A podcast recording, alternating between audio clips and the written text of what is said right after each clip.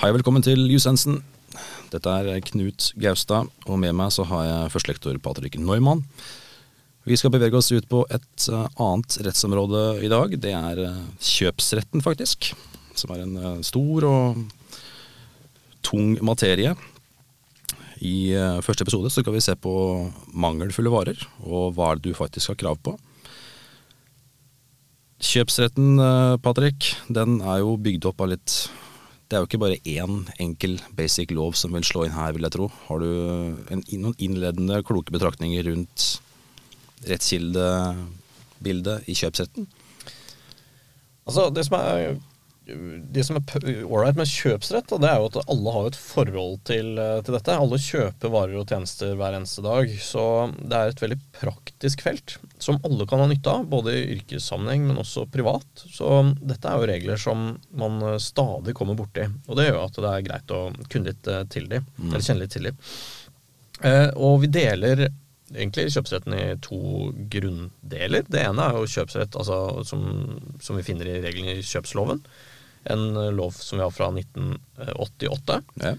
Eh, som gjelder der hvor styrkeforholdet mellom partene er likt. altså Enten at det er private parter som handler med private parter, eller at det er forretninger, eller næringsdrivende som handler med forretning, nei, næringsdrivende. Så det er business to business eller consumer til consumer, da, hvor ja. det er to private.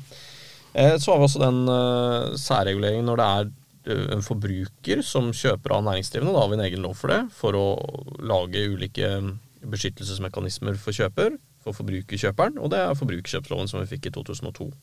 Okay. Så disse to regelsettene ligner veldig på hverandre, mm. men uh, regulerer to forskjellige situasjoner da, ut fra hva slags parter man snakker om. Så greit. Så da må du egentlig vite hvilken part du er, og hvem, hvem motparten er, for å vite hvilken lov du skal tre inn i. da. Riktig. Ja. Men uh, mangel er noe som vil bli beskrevet i begge lovene, etter hva jeg har skjønt.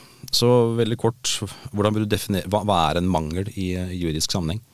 Vi har jo like, ulike former for kontraktsbrudd. Altså at man bryter kontrakten. Eh, og at det er to varianter av det er enten mangler, at det er feil ved tingen, eller forsinkelse. Og Hvis man snakker om mangler, så er det liksom et avvik fra kvalitet, eh, kvantitet eh, osv. i forhold til hva du har kjøpt. Så da må man se på hva man har avtalt. Og hvis ikke avtalen sier noe konkret om det som er situasjonen man står i, så Uh, og det er jo ikke alltid man for eksempel, Hvis man har inngått en alt på Finn, så, så, er det ikke alltid man har beskrevet hvilken konkrete krav man har til tingens egenskaper, den tingen man har kjøpt. Mm. Uh, så da kan man falle tilbake på de reglene man finner i loven, da, for den oppstiller også noen konkrete krav til hva en generell ting bør være. Dette suppleres også av rettspraksis. Ja, ok, ok. Skjønner. Uh, når det kommer til situasjoner hvor du da mener at du er, står overfor en mangel med noe du har kjøpt, som kjøper, hvilke rettigheter har du på din side i forbindelse med en mangelsituasjon? Da har du flere krav du kan fremsette mot selgeren. For det første så kan du jo kreve å få levert en, eh, en ny vare, eller få varen din reparert. Det er, det, det er de reglene vi kaller for omlevering eller reparering, altså avhjelp, utbedring av tingen. Eh, så det er en, en, en rettighet man har. Mm. En annen rettighet er jo at man kan eh, heve kjøpet hvis kontraktsbruddet er uh, av en viss, viss art så, og viss, et visst omfang. Mm. Så kan man kreve å få pengene tilbake, og da må man levere tilbake tingen som man, som man har kjøpt. Men det, der er det noen vilkår da, for at man skal kunne gjøre det. Ja. Man kan også kreve erstatning. Altså Hvis man lider noen tap som følge av at tingen har en feil, så kan man kreve det tapet dekka av selgeren. Eh, men der har det også noen begrensninger. Ja. Det er liksom ikke alle tap. Du setter en grense ved direkte tap. Indirekte tap eller upåregnelige tap, det kan man ikke kreve dekket. Nei. Så det, det er liksom lite omriss av de, de, tingene man kan kreve. I tillegg så kan man også kreve avslag i, i prisen, hvis, hvis, det er eh, noe som kjøper ønsker. Ok, ok, Så du har faktisk noen kort å dra altså, når, du går, eh, når du står i sånn situasjon.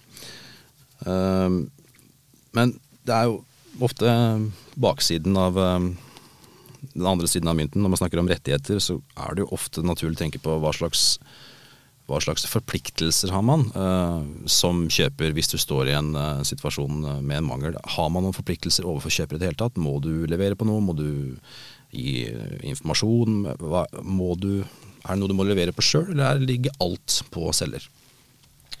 Ja, I utgangspunktet så har jo Hvis vi går tilbake til de grunnleggende reglene om avtalerett og kontraktsrett, så har man jo et lojalitetsprinsipp. Altså at man skal ta rimelig hensyn til hverandres interesser. Og Ut fra det lojalitetsprinsippet så springer det noen, ut noen andre regler, f.eks. regelen om undersøkelsesplikt og opplysningsplikt. Så du som kjøper har jo en plikt til å undersøke tingen, særlig i de tilfellene der hvor det er eh, om egenskaper som er veldig viktig for deg at den tingen eh, har.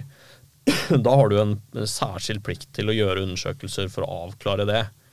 Eh, på tilsvarende måte så må jo selger gi opplysninger om tingen som du som kjøper har grunn til å regne med å få. Eh, Så mindre kosmetiske feil eller mangler, det er kanskje ikke noe som, som er viktig for partene.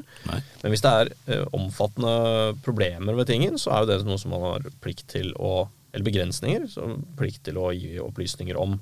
Så det er det ene. Det andre er jo at du som kjøper har jo også en, en særlig viktig plikt som du må overholde hvis du skal påberope deg den type krav, og det er et, en reklamasjonsplikt. Mm. Og reklamasjonsplikten det er det vi kaller for en rettsbevarende handling, altså plikten du har for å kunne fremme andre typer krav senere. Og det er jo f.eks. hvis du skal påberope deg eller kreve at tingene har mangel fordi du ønsker deg et prisavslag, eh, så, så må du reklamere. Så det er jo å gi selger melding om at det er en feil ved den tingen du har kjøpt. Ok. Så det hviler litt ansvar også forpliktelsesmessig på kjøper, og det er ikke bare rettigheter man kan slå i bordet med.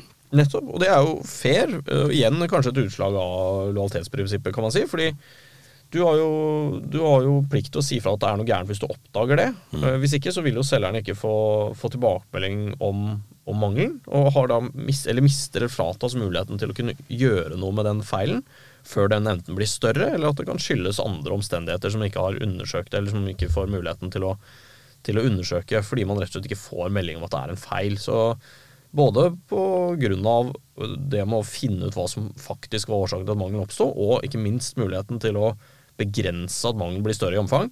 Det er liksom begge deler som begrunner hvorfor vi har en reklamasjonsplikt. Mm. Akkurat. Eh, jeg går tilbake igjen til det du sa innledningsvis når vi snakka om eh, det her med forskjellige lover, og eh, hvilken rolle man hadde, avhengig av hvilken lov du skulle inn i. Når det kommer til selve forventningene til ja, profesjonelle parter kontra private parter, er det noen, har det noen rettslig betydning det, om to business-to-business-transaksjoner eller private eh, mot private eller private mot business? Er det noen forventninger at noen skal kunne mer enn de andre partene, er sånn, eller er alle like Stiller alle likt sånn rettslig sett? Ja, altså hva slags, hva slags profesjonell bakgrunn du har, eller om du er en næringsdrivende eller en forbruker, da, som er de konkrete tingene som er relevant å se på i kjøpsrettslig sammenheng, det har betydning for hvordan man vurderer hvilke krav og hvilke, hvilke rettigheter partene har i kontraktsforholdet. Eh, for eksempel så er det en, en gjennomsyrende rød tråd, eller gjennomgående rød tråd i forbrukerkjøpsloven at eh, når du er forbrukerkjøper, så har du et bedre vern enn det du har når du f.eks. har kjøpt noe fra en annen privatperson etter reglene i kjøpsloven. Ja. Og Vi ser det på flere regler. F.eks. Så er terskelen for å kunne heve kjøpet lavere i forbrukerkjøpsforhold. Eh, Du har, eh, du har eh, flere rettigheter og krav, og det er jo sant, for å beskytte forbrukeren og verne om forbrukerens interesser, som ikke antas å være like profesjonell som en profesjonell næringsdrivende selger. Ja, akkurat. Det her er jo ting å være veldig fint å være klar over når man inngår disse ulike kjøpene. Da. Ja, og En av de kanskje mest praktiske forskjellene er også øh, reklamasjonstidens lengde. Altså muligheten du har til å kunne gjøre mangler gjeldende overfor for selgeren. I forbrukerkjøpsforhold så er det i utgangspunktet to år, men den fristen kan utvides til fem år i de tilfellene hvor varen er ment å vare vesentlig lenger. Eh, Så, så hvis du står i et sånn type scenario, så har du da, eller har en vare som er ment å vare vesentlig lenger enn to år, så, så kan du ha en femårs reklamasjonsrett. Med andre ord, du kan forholde deg til selgeren og påberope deg mangler opptil opp fem år. Mens i kjøpsloven, hvor du har kjøpt for eksempel av en annen privatperson eller kjøpt av en annen næringsdrivende hvis du er næringsdrivende selv, Ja, så har du som utgangspunkt kun to år. akkurat. Eller du har kun to år. Ja. Så da er det egentlig bare å anbefale at de fleste transaksjoner man gjør, er i, bildet profesjonell forbruker, egentlig. Da har du mest rettslige beskyttelsen. Ja, hvis du har en valgfrihet. Ja, det det. Eh, kan jo være at man sitter i en situasjon hvor man skal bestille noe, og så kan man liksom enten bruke det litt på jobb og litt privat. Da Mm. kan det godt være det. det- Her setter loven noen føringer som eh, om man hovedsakelig skal bruke det i næringsvirksomhet eller ikke. Ja.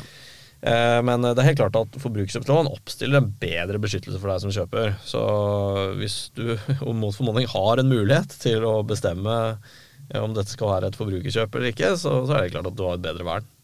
Helt klart. Er det mer du vil tilføye når det kommer til, eh, til mangler? Har vi vært igjennom det meste, eller eh, er det noe du vil avslutte med å si? Ja, det viktigste er at folk reklamerer hvis de oppdager en mangel, og reklamerer så fort som mulig. Eh, Og gjør det gjerne skriftlig, sånn at du har bevis for at du har reklamert overfor selgeren. Da er kravet ditt i behold. Du kan gjøre, eller du kan påberope deg ulike krav mot uh, selgeren. Så så det er liksom en av de mest praktiske reglene som, det ofte, som man ofte glemmer da, i en hektisk hverdag. Så send en reklamasjon skriftlig til selger hvis du oppdager at det er en feil ved den tingen du har kjøpt. Ja, så der, så der. Nei, men Da har dere fått også gode praktiske tips på slutten. Da takker vi for en episode hvor eh, innholdet bare var eh, mangelfullt. Så høres vi igjen siden. Hei, hei.